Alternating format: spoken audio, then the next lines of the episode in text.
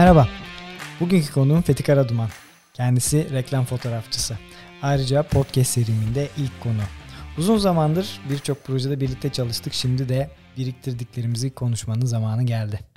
Abi öncelikle hoş geldin. Hoş Nasılsın iyi misin? Ne yapıyorsun? İyi, iyiyim iyiyim teşekkür ediyorum. Çok keyifliyim. Güzel. Ee, burada olduğum için de çok mutluyum. Ee, iyi ki oluyor değil mi bu? Evet abi. Süper, Aynen. şahane. Podcast serimin ilk misafirim sensin aslında. İyi. Güzel olacak böylelikle. İlkler her zaman güzeldir. Aynen öyle. Ee, Fotoğraf faslını geçtik. Şimdi burada birazcık muhabbet edelim seninle. Biraz sorularım var sana. tabii Hazırladım. ki, Tabii ki. Bakalım. Bekliyorum. Tamam. O zaman başlıyorum. Başla. Biraz kendinden bahsetmeni isteyeceğim. Şimdi biz seninle tabii ki uzun yıllardır tanışıyoruz ama seni bilmeyenler için Fethi Karaduman kimdir abi? Ne yapıyorsun? Biraz kısaca bahseder misin? Ben de e, hala anlamaya çalışıyorum kim olduğumu. Kendimizi işte e, yeni özelliklerimizi keşfediyoruz. E, yeni hüzünlerimizi keşfediyoruz. ha- Hayatı keşfediyoruz. Hayatı keşfettikçe de işte kendini biraz daha iyi tanımaya çalışıyorsun. Çalışıyorsun deme nedenim de çalışıyoruz. Yani bu, e, bu bir serüven. Hani çok şey gelecek. Abi her gün ama- başka bir şey. Yani her gün ki- birbirini tek- tekrar etmiyor yani. Dolayısıyla normal. Evet, o yüzden Denemeyen kendimi onu- anlatma konusunda birazcık sıkıntı çekebiliyorum. Sadece son zamanlarda çok söylediğim bir laf bu. Ee, dengemi bulmaya çalışıyorum. Hayattaki dengeyi bulmaya çalışıyorum. Ee, bu konuya belki bugün çok değineceğim. Ee, siyah ve beyazın arasındaki dengeyi bulmak gibi. Ee, fotoğraf da aynı şekilde. Yani e, bazı bazıları fotoğrafa e, bu kadar belki e, felsefik bakmaz ama ben hayatla e, birleştirerek birazcık ilerliyorum bu konuda. O yüzden e, yani kendimle ilgili e, sosyal bir insanım. E, arkadaşlarımla, dostlarımla, ailemle, etrafımdaki insanlarla mutlu olan bir insanım. Fotoğraf çekiyorum. Yani Güzel zaten zaman- aslında ya az önce dediğin gibi benim sana soracağım soruların da çok dikeyinde aslında birazcık da senin bu felsefe tarafı da var. Yani tahmin ediyorum kendini en iyi anlattığın şeylerden birisi aslında fotoğraf. Nasıl başladı bu serüven? Nasıl keşfettin bunu? Nereden çıktı bu hikaye? Ya e, hikaye çok e, enteresan bir hikaye onu çok hızlıca anlatırım. 3 yaşındayken bana bir tane kağıt ve kalem veriliyor evde. Ee, ve onunla hani ne yapacağım bekleniyor. Oturup çizmeye başlıyorum. Ee, yani resim yapmaya başlıyorum. Her çocuk gibi tabii. Ee, ama e, onun bir böyle biraz daha bu konuda yetenekli olduğumu görüyorlar. Ee, ve bırakamıyorum kalemi. Yani benim bütün e, ortaokul yani ilkokul, ortaokul, lise hayatım genelde defterlerin önünde işte formüller ve işte tarih notları yerine de, Japonlar gibi e, defterin arkasından başlayarak böyle karamalar ve denemelerle geçti. Yani kareli defterin üzerinde devamlı bir e, kara kalem çalışması bir şey oluyordu. E, ve resim kökenliyim ben aslında. Yani resimden geliyorum. Ee, Ankara'da e, çok genç yaşta e, ortaokul zamanı beni e, Ankara Resim ve Heykel Müzesi'ne benim resim hocam götürüp kendi hocasına teslim etti. Hocam işte e, bu yeteneği değerlendirin diye. Tabii orada da sıkıldım. E, Çünkü natürmort bana göre bir şey değildi. E, nü çiziliyor. Nü, nüye de beni almıyorlar çünkü yaşım tutmuyor. E, kendi kendime evde e, çize çize bir şekilde bu işi ilerlettim. Daha sonra e, Güney Afrika'ya mimarlık okumaya gittim. Yani çizim yine çizim tabanlı, yine e, sanat tabanlı bir, e, bir meslek icra etmek üzere ama e, onda da çok başarılı olduğum söylenemez. Çünkü e, içindeki kalkülüsler ve tarih yine beni orada e, dezavantajım oldu E, ve e, mimarlığı aslında bıraktım denebilir. Yani yarısını da bıraktım. E, Türkiye'ye geri geldikten sonra da e, çok uzun bir süre bir 10 yıl civarı e, şey memur olarak hayatıma devam ederken fotoğrafla tanıştım. Mimarlıkla bırakıp kopup her şeyi ondan sonra memurluk biraz garip bir kafa olmuş ama geliyor galiba hikaye? Ee, patlayacak burada. Aile bizim aile e, bütün ailem memur. E, dolayısıyla bir, bir noktada tıkandığında ne yapıyorsun? Aile mesleği evet. olan neyse ona yöneliyorsun. Ama masa başı bana bir şey bana göre bir şey olmadığını keşfedince e, çok enteresan bir şekilde benim önüme bir analog makine geldi. E, hala resim çiziyordum çünkü ofiste de. E, o bir ofis arkadaşım Murat sağ olsun e, zorla bana makineyi e, ittire ittire verdi. Yani fotoğraf çek diye ve ben o dönem fotoğraftan nefret ediyordum. Çünkü e, resim çizen Bu bir dönem kaç? Ne, zaman ne zamanlar? işte e, 2006'lar falan yanlış hatırlamıyorsam. E, Yani fotoğrafı bu kadar seveceğimi tahmin bile edemiyordum. Ee, çekmeye başladım ve o o günden beri e, fotoğraf çekiyorum. O zamanlarda dijitaller var mıydı? Dijitalleşme başlamış mıydı? Baş- o dönemin başı galiba değil mi? Çok yeni başlamıştı. Ee, yani tabii o eksperimental dijital makineler artık e, yavaş yavaş fade out olup e, asıl e, ana e, bizim şu an kullandığımız işte e, aynalı SLR makinalara e, yönelmeye başladı bütün e, markalar. Ve Canon 10D ilk aldığım makineydi benim. E, hemen analogdan ona geçiş yaptım. Çünkü çok daha efektif, çok daha hızlı bir tool diyoruz hani işte bir araç e, olduğu için. E, onu tercih ettim ve o, o gündür bugündür çekiyorum. Ama analog çekiyorum hala. Yani en keyif aldığım şeylerden biri. E, karanlık odam yok ama e, analog çekip gidip onu tab ettiriyorum. Sirkeci hala ayakta yani. Bu senin analoglarla alakalı o sokak fotoğrafçılığının bağlantısı olabilir mi? Birazdan onu soracağım Olabilir ama. mi? Mustafa kızar buna. Şimdi orada, o konulara girmeyelim. Kızıyor hemen. Sokak fotoğrafı mı çekiyorsun? Ee, benim uzmanlık alanım portre. Ben e, ben insanlarla çalışıyorum. Ee, ama tabii sokak fotoğrafı da aslında baktığında yine portre içeriyor. E, Benim en zorlandığım aslında bu soruyu belki bana e, ileride soruyor olabilirsin. Ben şimdiden cevaplayayım. Evet, en vardı. zorlandığım konulardan biri. Sokakta fotoğraf çekmek. E, Ben insanların e, alanına girmeyi çok seven bir insan değilim. E, Bana ancak kendilerini teslim ederlerse rahat çalışabiliyorum. Aksi halde candid dediğimiz yani işte şehrin e, ortasında ya da bir köyde ya da x bir yerde e, birinin alanına girip onu fotoğraflamaya çalışmak benim için çok ger, gerginlik yaratan Neden? bir o- bir olay. Ee, rahatsız oluyorum. İzin almam gerekiyor. Utanıyorum. Ee, ben yani benim e, yeni insanlarla tanışmada şeyim var. Biraz introvert bir yanım var yani içe dönük bir yanım var. O yüzden yani işimi yaparken bana gelinmesi ve işte e, sp- spesifik bir şey e, oturup işte planlayıp çekiyor olmam lazım. Aksi halde evet. Şu an Mustafa arıyor gerçekten. Yani Mustafa dedik mi resmen e, Mustafa seven değil telefonda. Sezen olsa daha doğru olurmuş. Mustafa sezdi. Evet. e, Sana başka bir soruyla geleceğim. Şimdi fotoğrafı konuşuyoruz ama senin en sevdiğin, en zevk aldığın projen neydi? yaptığım çoğu işten ben çok zevk alıyorum. Yani benim e, şu iş spesifik olarak şu iş e, bana çok keyif verdi diyemiyorum çünkü ya bu işi yapmayı seviyorum. Dolayısıyla bu işin içinde de yaptığım bütün projeler benim için değerli. E, hepsine olabildiğince efor sarf ediyorum, olabildiğince e, emek harcıyorum. E, olabildiğince her zaman biraz daha iyisini çekmeye çalışıyorum. Yani yaptığım işi biraz daha iyi yapmaya çalışıyorum. Aldığım dersler doğrultusunda ve e, En güzel dersi nasıl öğreniyorsun? Yani aslında şey de merak ediyorum. Bir proje sende nasıl aslında berbat ediyor, ediliyor? Yani merak ettiğim şey bu. Hani o gelişim süreci neyi tetikliyor da gelişiyorsun? Yani bir şeyi berbat mı ediyorsun? Bir proje ortada mı kalıyor da daha iyi olmaya başlıyor? Yoksa o üstüne koymaya başladığın noktalar neler? o ortada kalmıyor. Ortada kalmama nedeni de galiba biraz bir- biraz kültürel bir şey diye tahmin ediyorum. Biz bu topraklarda e, yaşayan insanların bir özelliği var. Biz çözüm odaklı insanlarız. Yani bir şeyde bir hata olduğunda yani şu anda şu kablo bozuk olsa bu mikrofonun kablosu bozuk olsa buna anında çözüm üretebiliyoruz. Yani derme çatma da olsa. Diyoruz ki "Hı, belki bu elektrik kablosuyla bunu bir bir şekilde birleştiririm de yani Einstein gibi insanız aslında baktığında çok enteresan bir şey.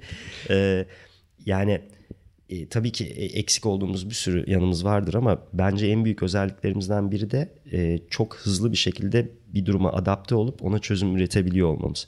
E, dolayısıyla ben fotoğraf konusunda bir projede bir şey aksi gitmeye başladığında hemen bir sakinleşip oturup soğukkanlılığını koruyarak e, olabildiğince bu işi nasıl çözümleyebilirim, e, ekiple bunu nasıl çözebiliriz diye bir, bir çözüm üretiyoruz. İlla ki bir çözüm, çözüm üretiliyor, berbat edilmiyor ama tabii ki işte bu e, bu dediğimiz şey bir hata yani bir error oluyor.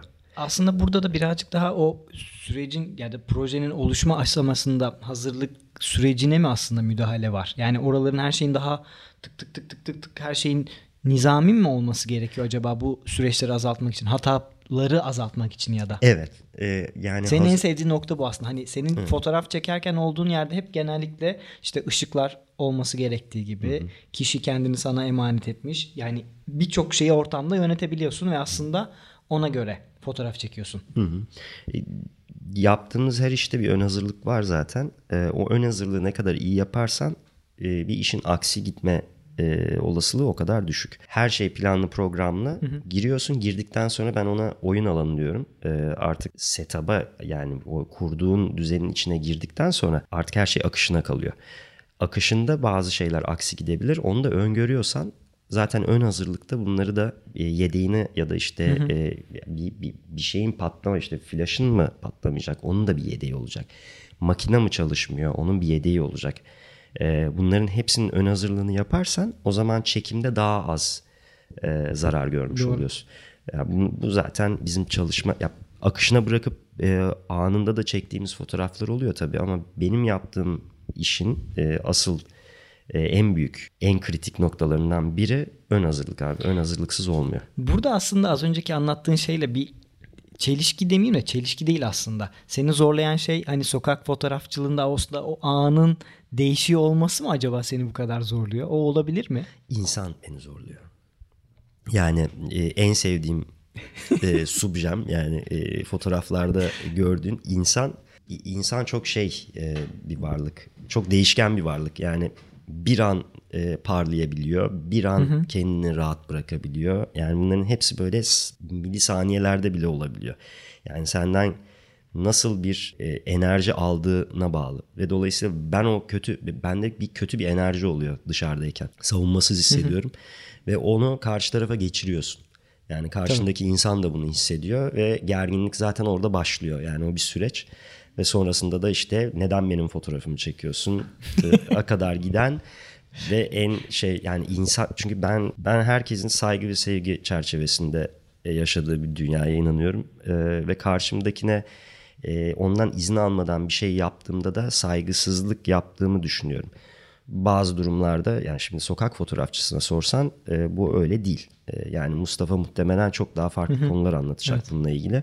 E, ama bende e, benim çalışma şeyim e, yolum bu değil. Yani izlediğim yol bu değil ben daha farklı bir şekilde çalışıyorum. Resmetmeye çalışıyorum. Yani. Doğru. doğru. Ya diyor herkesin yoğurt işi farklı oluyor zaten. Sana onu soracağım aslında sana neler ilham veriyor acaba? Hani ne, nasıl buralara evriliyorsun? Sana en çok ilham veren şeyler ne? Bana her şey ilham veriyor. Çok şey e, banal bir cevap olacak belki ama yani sinema da bana ilham veriyor. E, müzik de bana ilham veriyor. E, yaşadığım ilişkiler de bana ilham veriyor. E, yaşadığım olaylar da bana ilham veriyor. Yani hayatta yaş- ne yaşıyorsak bunlar aslında ilham kaynağı. Nasıl al- alıp nasıl hamuru yoğurduğuna bağlı bu iş. Eğer e, bunu ona bütün o enerjini ona kanalize edebiliyorsan o zaman işte her şeyden ilham almış oluyorsun. Burada sana şey soracağım. Kitap okumayı seviyorsun, müziği de seviyorsun ama kitap okumayı se- seviyorum ama okuyamıyorum. Yok biliyorum. E, yok evet. evinde bir sürü kitap var ya. Şimdi oradan evet. aslında gireceğim. O hani en çok seni kitaplarda etkileyen şey nasıl bir kitap seviyorsun yani? Yani ben... mesela benim çok pazarlamacı olduğum için hep pazarlama dikeyinde gittiğim için bugüne kadar hep öyle şeyler okuyorum ama Seninki fotoğraf ve çok aslında görsel bir sanat. Kitapla nasıl bağdaşıyor? Bazı şeyler anlatılmıyor çünkü. Ben bilimsel kaynakları çok seviyorum. Yani e, içinde bir benim hayatımda işte etkisi olabilecek işte bilimsel kaynaklar. Yani e, podcast e, dinlemeye yeni başladım. E, bu şimdi e, şey kitaplar var. Sesli e, kitaplar. Sesli kitaplar var. E, onları yapmaya çalışıyorum. Onlarda da bir şey fark ettim. Onda da konsantrasyonum gidebiliyor. Ben de o mesela ben hiç sesli kitaba geçmedim Hı-hı. ve yani bende de çok fazla dikkatim dağılıyor ama e, bir şeyi okuyorsam orada kalmayı seviyorum. Yani müzik dinlerken kitap okuyabiliyorum. Altta çok hafif müzik olabiliyor. Kitap okurken ama kafamın büyük kısmının orada olmasını seviyorum ama o sporda müzik dinlemek gibi geliyor bana birazcık daha. Hani ana işim sanki kitap okumaktır. Dinlemek gelmediği için yolda yürürken de dinleyebilirim ama bu sefer işte okuduğum kitaplarda birazcık daha kafa yormam gerektiği için yani böyle daha akıcı roman var şeyler okumadığım için kafayı yoruyorum. Belki de orada birazcık daha farklılaşıyor. E, asıl benim e, kitap koleksiyonum evdeki yani çoğu gördüğün kitap aslında fotoğraf kitabı. Son 100 yılda e, yer etmiş e, başarılı işte fotoğrafçıların kitaplarını e, işte olabildiğince e, bir araya getirip onları ara ara açıp e, bakmayı seviyorum. Yani küçüklüğümden beri var zaten fotoğrafı olan e, ilgim küçüklükten geliyor, resimden geliyor aslında ama e, hani fotoğraftan nefret etme amacım yani nefret ediyorum dediğimde yanlış anlaşılmasın. E, yani işte dizi film afişleri hayranlıkla baktığım şeylerdi hı hı. küçükken. E, bunu nasıl çekmişler, bunu nasıl bir şey olmuş işte resim olarak baktığım için zaten şu anda e, asıl benim mesleğim yani e, ağırlıkla yaptığım şey dizi, film afişleri, hı hı. albüm kapakları. Bir, bir kare üzerinden bir hikaye anlatmak. Aslında ben de sana onu soracaktım. Duyguyu nasıl aktarmayı seviyorsun? Yani o o fotoğrafı çekerken, o anı fotoğraflarken o duyguyu nasıl aktarıyorsun? Onu merak ediyorum. E bu hepsi planlı oluyor. Yani bunların hepsi e, genelde bir proje geldiğinde e, bu normalde benim işim değil aslında. Fotoğrafçının işi değildir. Hı hı. Daha çok işte bir grafiker, e, grafik tasarımcının işidir. E, ama zaten çizim kökenli geldiğim için benim gözümde bir şey canlanıyor ve onu hemen oturup karalıyorum ben. Hı hı. E, karaladığım şey üzerinden de e, işte müşteri ya da kimse kiminle e, ortak çalışıyorsak gösterdiğim şey üzerinden de beğeniliyorsa bunun üzerine e, hareket ediyoruz. Hı hı. E, bunun daha farklı versiyonları da var. İşte Photoshop üzerinde o görsellerin hepsi üst üste koyuluyor ve işte bir kolaj tekniğiyle hı hı. E, yine bir sketch dediğimiz yani bir karalama ortaya çıkıyor. E, ama yani daha önceden bunlar hazırlanıyor, çalışılıyor. Çekim günü de işte o dediğim oyun alanına girdiğimiz anda da artık Hı-hı. biraz akışına da bırakıyoruz. Yani plana bağlı kalıyoruz ama Hı-hı. planın dışında da çok enteresan hareketler olabiliyor. Oyuncu orada çok e, farklı bir hareket yapıyor bilinçsizce ya da bilinçli bir şekilde ve o anı yakalıyorsun ve aslında hani planladığının dışına da çıkmış oluyor. Daha güzel bir şey çıkıyor. Ama her zaman planlı gitmekte fayda Çalıştığın var. kişi aslında motivasyonu da senin elinde. Yani motive etmeye de çalışıyorsun aslında. Hani evet. oraya bir bir şekilde bir hazır bir senaryo ile geliyor ama hı hı. onun da sonuçta bir yönlendirilmesi ya da bir şekilde e, yönetilmesi gerekiyor. De- değiştirilmesi gerekiyor belki ben, de. Ben ona kolek kolektif bakıyorum birazcık. Yani ben e, geç şimdi şuraya şöyle dur bu şekilde e, işte ayağını buraya koy falan diye çok yönlendirmem. E, daha çok onlara bir alan yaratırım. O alana yerleştiririm. Ve o alanda nasıl rahat ediyorlarsa kendi hallerine bırakırım. Kendi hallerinde eğer e, resim olarak iyi bir şey alamıyorsak o noktada ben müdahale ederim. Hı hı. ama daha çok çektiğim insana bırakırım. Hele hele oyuncularla çalıştığın zaman zaten o karakteri senden çok daha iyi biliyor. ve ben karşıma geldiğinde ilk söylediğim şeylerden biri şey olur. Bu, bu karakter burada nasıl durmalı ya da bu karakter birisini bekliyor olsa nasıl beklerdi şu anda dediğim zaman kendi haline de bıraktığında o zaten kendi pozlarını vermeye başlıyor. Biz sadece küçük ince ayarlar yapıyoruz e, fotoğrafik olarak yani. Şeyi merak ediyorum en çok zorlandığın kişi kimdi? Kimin en çok fotoğrafını çekerken zorlandın? Evet bu bu zor bir soru var e, yani birkaç isim var ama işte onları şu an telaffuz etmiyorum burada. E, illaki oluyor. E, enerjinin tutmadığı insanlar çıkabiliyor karşına. Çok nadiren oluyor bu ama. Ama en zor e, portrede en zorlandığım kimler dersen e, aralarında yazarlar. Bence e, bir numarada. e, yazarlarımız çok yani fotoğrafa ve işte e, kamera önünde e, olmaya çok alışık e, insanlar değil ve iç dünyaları çok karmaşık gibi geliyor bana. E, içeride böyle dalgalar yani görüyorsun o dalgaları yani. Ben de şunu öğrendim. E, bir yazar ile e, çalışacağım zaman oturup en azından böyle bir e, bir saat iki saatimi ayırıp e, oturup konuşuyorum. Hı hı. Onu anlamaya çalışıyorum. E, bir diyalog kuruyorum ve e, o da beni anlamaya başladıkça biraz daha rahatlıyor. Yani fotoğraf vermekte de rahatlıyor. Ben de gerilmiyorum, o da gerilmiyor. Bu kolektif bir iş bu arada. Tabii tabii aynen öyle. Yani yönlendirmek konusu dediğinde hani nasıl yönlendiriyorsun derken e, karşımdaki insanla aslında kolektif bir şey yapıyoruz. Yani iki kişinin de e, beraber ya da işte orada belki sette tabii. 40 kişi var. 40 kişinin kolektif e, beraber yaptığı bir olay aslında fotoğraf. Yani o bir karenin çıkabilmesi için belki 40 kişi çalışıyor. Doğru. Buradan aslında sana şeyi bağlayacağım. Ekipmana geçeceğim. Yani Hı-hı. set dedin ya. Evet. Ekipmanın önemi ne kadar? Yani senin işinde ışıktır, makinedir, işte arka tarafta post tarafındaki ekipmanlar. Bununla ilgili tabii ki bir sürü hikaye var. Hı-hı. Hani işte ben mesela gitar çalıyorum çok uzun yıllardır. Hep şey de derler herhangi birisinin eline işte atıyorum Steve Vai'nin eline çok kötü bir gitar da versen, çok kötü bir amfi de versen ama o Steve Vai gibi çalar. Dolayısıyla da bazen enstrüman, yetenek birazcık bazen enstrümanın önüne geçiyor.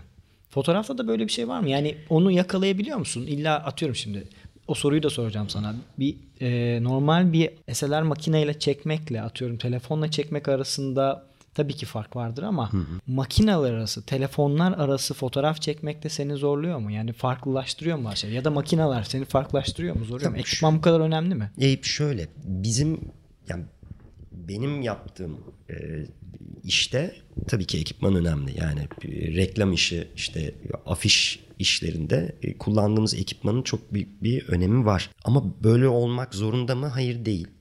E, çok güzel art house işte filmlerin afişlerine baktığında birçoğu çok doğal ve e, o anda çekilmiş fotoğraflar, sokak Hı. fotoğrafı gibi fotoğraflar da görebiliyorsun.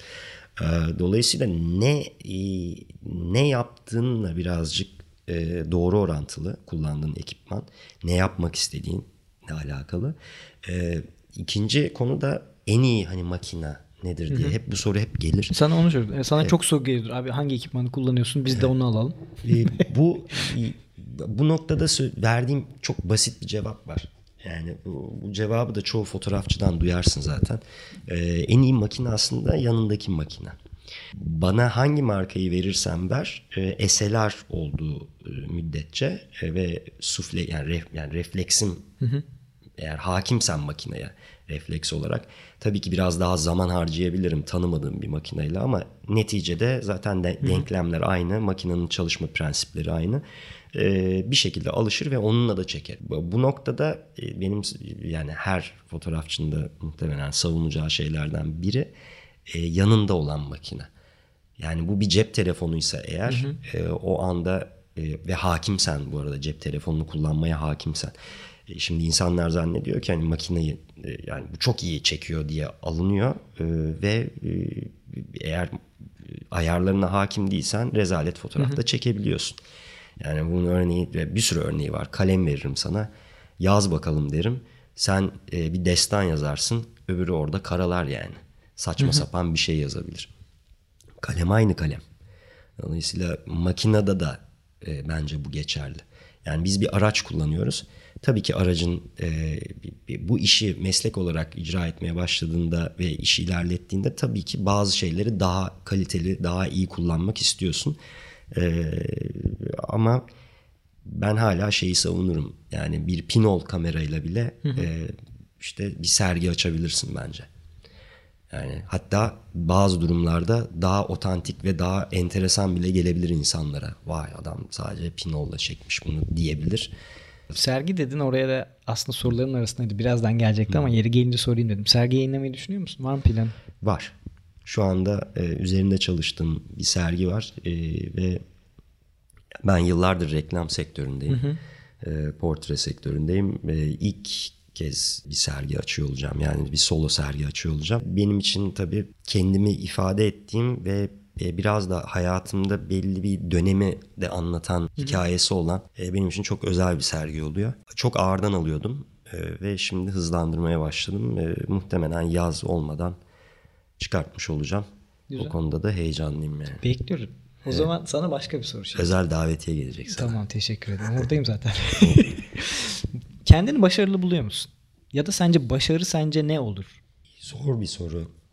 Ee, yani mesela kend... şimdi sen bugüne kadar sergi açmadın. Kendini işte şimdi kendini tetiklemeye ve işte koşturmaya başladın. Bunu yapmamak seni seni başarısız gösterdi mi sence? Yoksa başarı başka bir şey mi sence? Yok. Nasıl tetikledi? Yok. Başarı dediğin şey bir alanda e, devamlı progress dediğimiz yani devamlı böyle üstüne katlıya katlıya götürdüğün bir şey aslında. E, fotoğrafçılık daha meslek olarak e, yaşın ilerledikçe yazarlık gibi düşün. E, yaş ilerledikçe daha da derinleşen e, ve daha değer kazanan bir e, meslek dalı. Başarılı kendimi başarılı bulup bulmama konusuna gelince çok şey yapmıyorum. Bu işe çok odaklanmıyorum. Yani aman aman çok çok acayip başarıları elde ettim diye bakmıyorum. Çünkü e, başarı aslında e, o da bir progress. E, daha demin söylediğimiz gibi ve her zaman e, biraz daha üstüne koymaya çalışıyorum. Yani e, dolayısıyla bu ne demek oluyor? Eğer bir sonrakinde biraz daha üstüne koymaya çalışıyorsam e, şu anda kendimi başarısız buluyor olmam lazım. Mantık olarak. Hı hı. Yani e, dolayısıyla bir, bir e, hep bir bu arada sanatçıların birçoğunda görebileceğim bir şeydir. Çoğu e, yaptığı işi sevmeyen sanatçıyla çok karşılaşırsın. Bu işte devamlı üzerine koyarak daha iyisini çıkartmaya çalışma hı hı. çabasından kaynaklanıyor galiba. Bilmem yok, sorunu cevaplayabilirim. Yok yok güzel güzel sorun yok sorun yok. Yani benim de aslında benzer bir şeyler vardı kafamda. Sen de ne zamandır hep fotoğraf çekiyorsun bu sefer video tarafına geçmeyi düşünüyor musun? Hani atıyorum belki sergiden sonraki projem bir ara konuşuyorduk seninle de işte bir şeyler çekmek istiyorum. YouTube bir içeriğine girmek ister misin? Belki de kısa film yapmak ister misin? Kafanda böyle bir şeyler var mı? Yani benim e, açık ve net ben e, sinema e, sinemayı çok seven biriyim. Yani e, sinemayla büyüdüm. Bir kısa bir hikaye anlatmak isterim ama öyle bir hikaye önüme daha gelmedi. Yani bunu hikayeleştirmek de bunun ekibini kurmak da apayrı bir şey. Yani fotoğraftan çok daha farklı bir alandan bahsediyoruz. Ee, her ne kadar birbirine benziyor gibi gözükse de e, bir şey çekmek, bir video, bir hı hı. işte bir, bir art house bir şey yapmak bile bir ekip oluşturmaktan geçiyor. Bunun içinde senaristinden işte kameramanına, hı hı. post prodüksiyonuna, sesçisine, folicisine yani bir, kocaman bir ekipten bahsediyorsun ve o alanda değilim ben. O alanda olmadığım için de o alana girişimi nasıl yaparım, nasıl ederim onu bilmiyorum. Ama gün gelir de bir şeyi video olarak anlatmak istersem onu illaki yapacağım yaparım da yani. Sadece o özel hikayeyi hani buldum mu bulmadım Hı-hı. mı açıkçası e, bence bulmadım. Anladım. Bulduğum anda o zaman çekmiş olacağım. Her tamam. şeyin bir zamanı var. O kesinlikle. Ya bazen yani ne kadar istesen de olmuyor aslında. Şimdiki sorum da aslında onunla alakalı. Böyle kafayı dağıtmak için neler yapıyorsun? Hani bazen bir işe odaklanmak için böyle hani bir adım geri çekilmek vardır ya. O çerçeveyi daha uzaktan görürsün farklı bakış açısı kazanırsın. İşte mesela ben de öyledir. Bazen işte bir konu üzerine çalışırım çalışırım ya da bir sunum hazırlarım. Giderim tekrar hazırlarım. Yani en azından kendime 5 kere revize vermişliğim vardır. Hmm. Sen kafayı nasıl dağıtıyorsun? Kafayı nasıl dağıtıyorum? İstanbul'da yaşıyoruz. Sonuçta her şey bizim o kadar çok dikkat dağıtıcı unsurumuz var ki. Yani Pas odaklanmak diyorum için. soruyu. Pas hakkımı kullanmak istiyorum. Çünkü İstanbul'da yaşıyoruz abi. yani evet. bizim e... Senin o geçen sene gittiğin ada pazarında mı? O taraflarda bir yer vardı. Dağ bayır bir yere gitmiştiniz. Fotoğrafları falan vardı. Çok güzeldi. Aa evet. Ee, işte çok güzel. E, hafızamı zorlayacak sorulardan biri. Ada pazarıydı galiba. Evet kafayı dağıtmak için öyle bir yere gittik. Yani bu İstanbul'da olmuyor ne yazık ki. Yani ben şu an evimde bile oturduğumda hani bir kafa dağıtayım, e, açayım şöyle bir klasik müzik dinleyeyim demeye kalktığımda bir de e, 800 tane korna Abi. E, evin içinde çınlıyor ve e, bir türlü şey yapamıyorum. Yani kafa dağıtamıyorum. Kafa dağıtmak için işte böyle kaçabildiğimiz yerlere kaçıyoruz. Seyşeller bundan biri. Bunlardan biri. Değil mi? Evet. evet. Sen oraya gidip bir de proje yaptın. Fotoğraflar evet, evet, çektin. Fotoğraf Herkes yaptım. kıskandı seni. Aa öyle mi oldu? ya öyle e, çok tahmin et. Yani şimdi e, insanlar belki Ibiza gibi falan görüyor orayı ama halbuki çok acayip bir ada bizi dinleyenler şu an araştırabilir. Baya şeyseller diye yazılıyor. Evet. Yanlış yazılmıyor. Yani yok, öyle yok. duydunuz, duydunuz gibi yani. Tabii tabii Seyşeller. Zaten söylediğinde Neyşel şey şey yani onu bir, bir, evet. bir pronounce etmekte zorlanıyoruz ama e, ben artık çok fazla telaffuz etmekten e, ezberledim. Seyşeller çok güzel bir ada. Yani tamamen doğal o kumsalları ve denizi inanılmaz. E, zaten şeye Madagaskar'ın hemen ötesinde kalıyor. Yani Orta Afrika hizasında bir ada bu. Ve ilginç bir şey söyleyeyim o adayla ilgili. O ada ne bir volkanik yapı e, yani volkan e, oluşumu e, bir ada değil. E, ne de işte e, şeylerin yükselmesiyle kıtaların, kıtaların yükselmesiyle oluşan bir ada değil. Aslında Hindistan ve Afrika'nın birbirinden koptuğunda arada kalan bir e, dağ parçası gibi düşünebilirsin. Hmm. Tamamen taştan. E, o yüzden orada tarım da yok. E, ve e, yani çok enteresan bir ada. Tam bir honeymoon spot diyorlar işte oraya. Böyle bir gideceksin, yüzeceksin. Kafa e, dağıtacaksın. kafa dağıtacaksın. Çok güzel bir lokasyon. Dönünce tabii hayatımız aynı yerden Evet, devam ediyor. orada kafa dağıtabiliyorum. Güzel. Orada, orada kafayı Ama işte muhtemelen frekans azdır. Hani oraya gitmek çok kolay olmuyor muhtemelen. Evet. evet. En büyük sıkıntımız bu. Evet, burada işte başka başka adalara madalara falan gidilebilir belki ama artık adalar da bir fena olmuş durumda. O konuya girmeyeceğim. Aslında şöyle bir sorun var. Türkiye'de yaşamaktan, çalışmaktan memnun musun ama bu çok çok dönemsel bir soru. Belki şu an için hepimizin yani birçoğumuzun kafasında olduğu gibi gitmek var belki ama ben Türkiye'yi seviyorum. Burada olmaktan mutluyum. Sadece belki dönem artık hem pandemi bizi zorladı ama sen ne düşünürsün? Hani Türkiye'de mi yoksa bir ara Almanya'yı konuşuyordun. İşte Berlin'de bir şeyler yapmaktan bahsediyordun. E, şöyle e, ilk önce şeyi anlamak lazım tabii. Be- Benim küçüklüğüm hep e, yurt dışında geçti. Yani yurt dışında yaşadım ben uzun yıllar. E, ve e, gurbetçiliğin ne olduğunu biliyorum.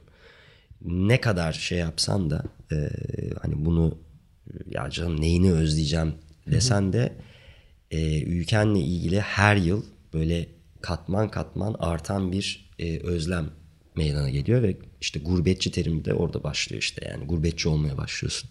Ben ben Türkiye'yi çok seviyorum. Yani yaşadığımız toprakları çok seviyorum. insanımızı çok çok seviyorum. Yani e, özel bir kültürümüz var bence. Tabii ki hiç kimse dört dörtlük değildir. Yani aramızda tabii e, iyisiyle kötüsüyle bir sürü insan var ama e, genel anlamda ben burada e, hayatımı sürdürüp hayatımın da burada sona ermesini hayal ediyorum. E, Berlin konusuna gelince de e, artık bu e, sosyoekonomik bir durum.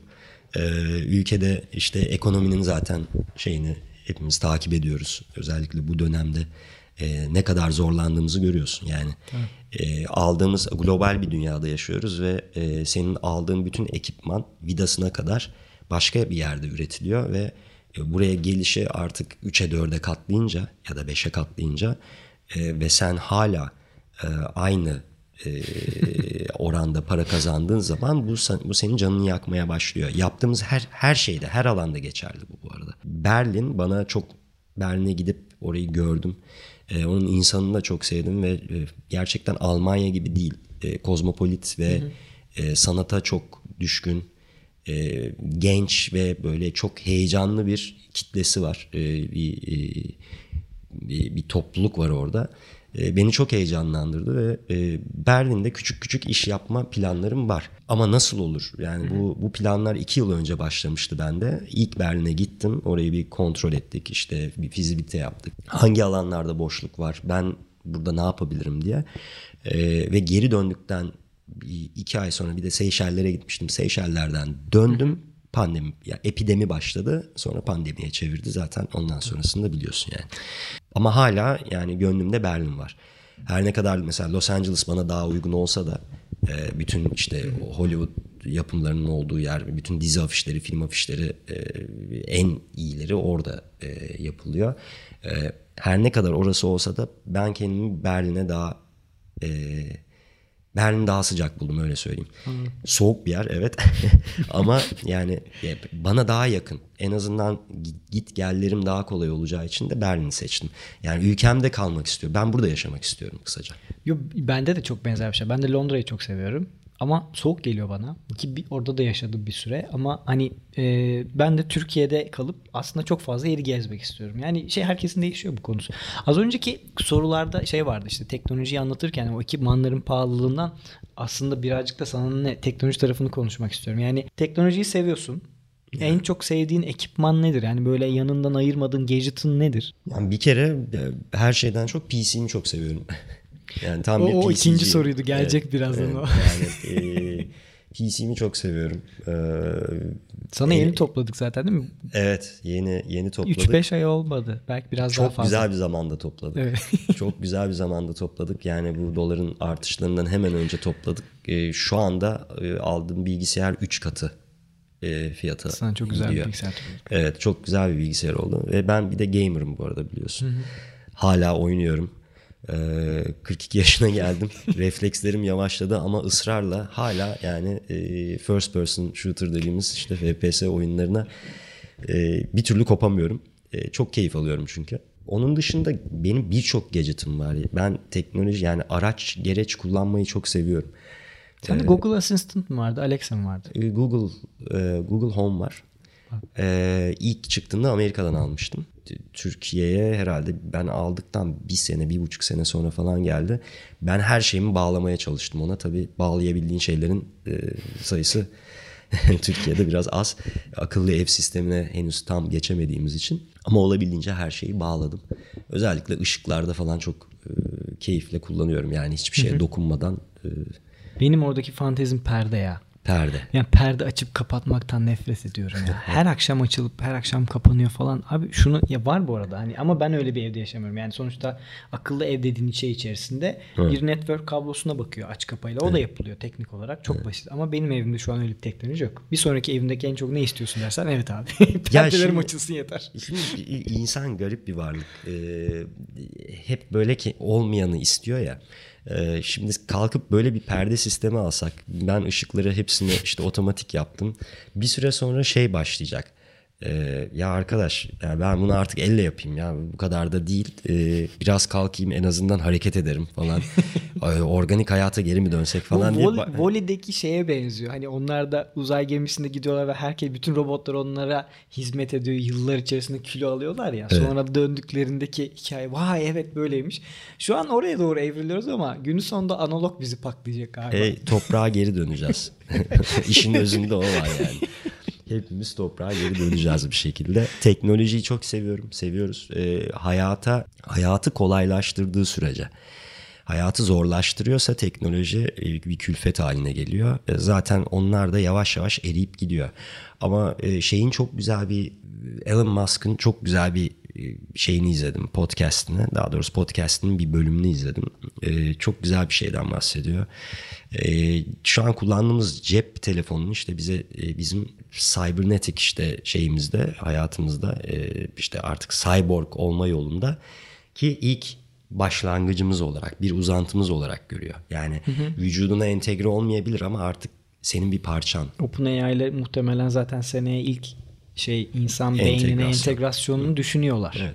Oralarda birazcık şeyim ben tereddütlerim var. Yani etik olarak ve şey olarak e, tar tartışmaya e, yanlış hatırlamıyorsam yine Elon Musk şeye de karşı çıkmıştı. Google'ın yapay zeka gelişim süreçlerine de ilk başlarda birkaç yıl öncesinde karşı çıkıyordu ama konu bayağı oraya hani tahminimizden çok daha hızlı oraya gitmeye başladı. Evet. Çünkü şey yani biliyorsun teknolojinin son 10 yılda 20 yıldaki o pro- progression Ay, evet. rate'ine baktığında o chart üzerinde e, yine bütün İngilizce kelimeleri kullandım.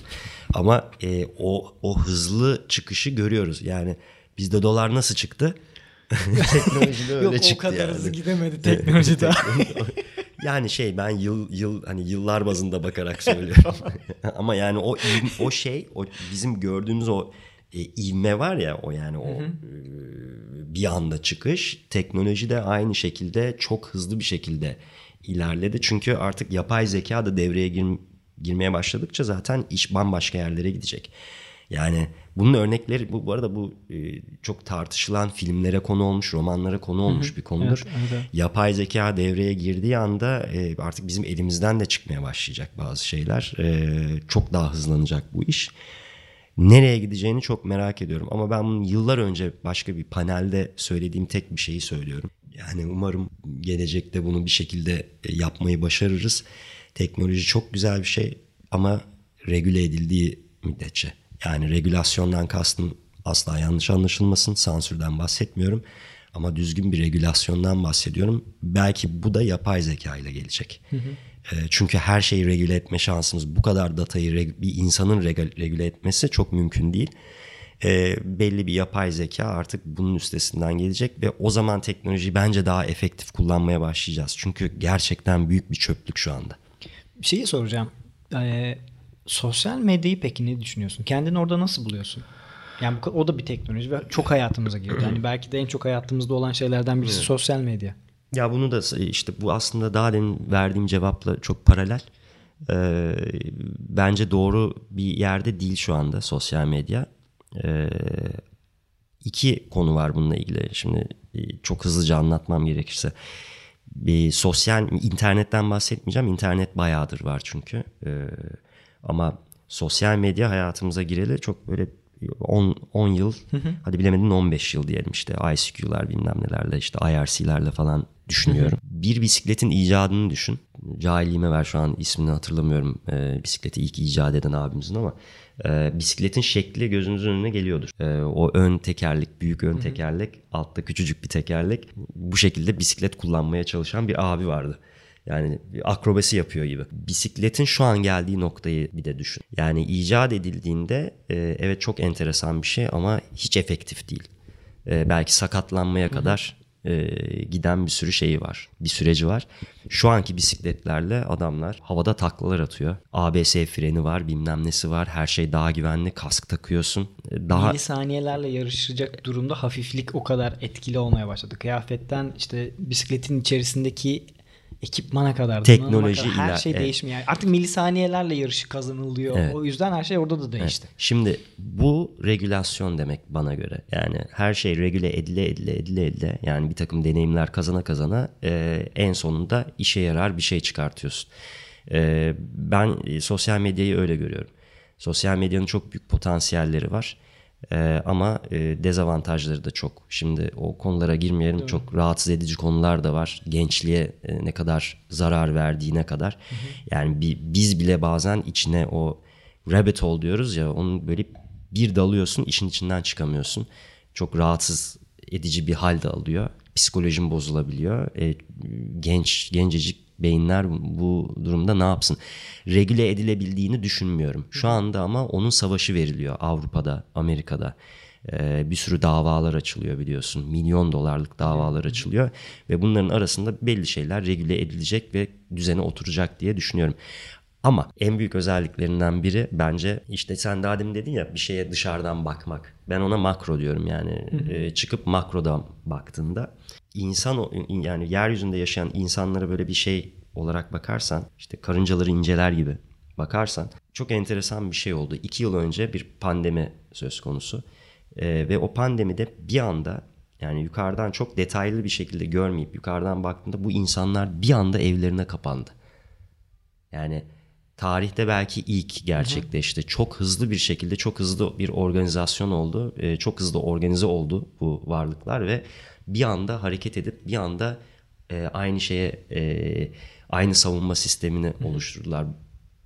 Ben artık elimizdeki telefonun, sosyal medyanın e, ve türevlerinin bizim antenimiz olduğuna inanıyorum. Yani işte aslında Elon Musk'ın dediğine birazcık yakın.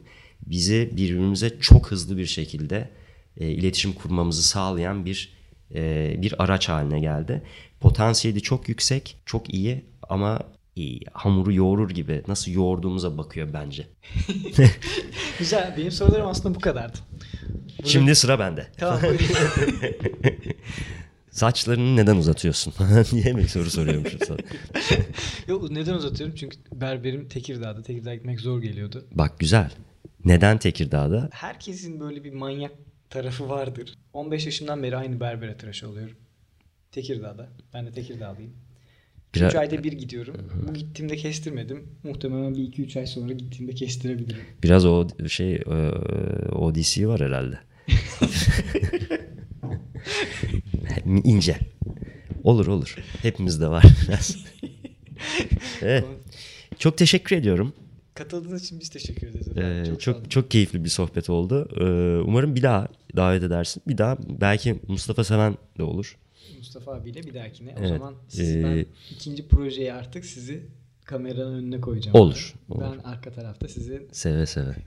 trigger'ınız ee, olacağım. Her zaman çok keyifli oluyor seninle sohbet etmek. Ee, bir de böyle mikrofonlu sohbet etmiş olduk. Ee, teşekkür ediyorum. Ben teşekkür ederim. Sağ olasın. Görüşürüz.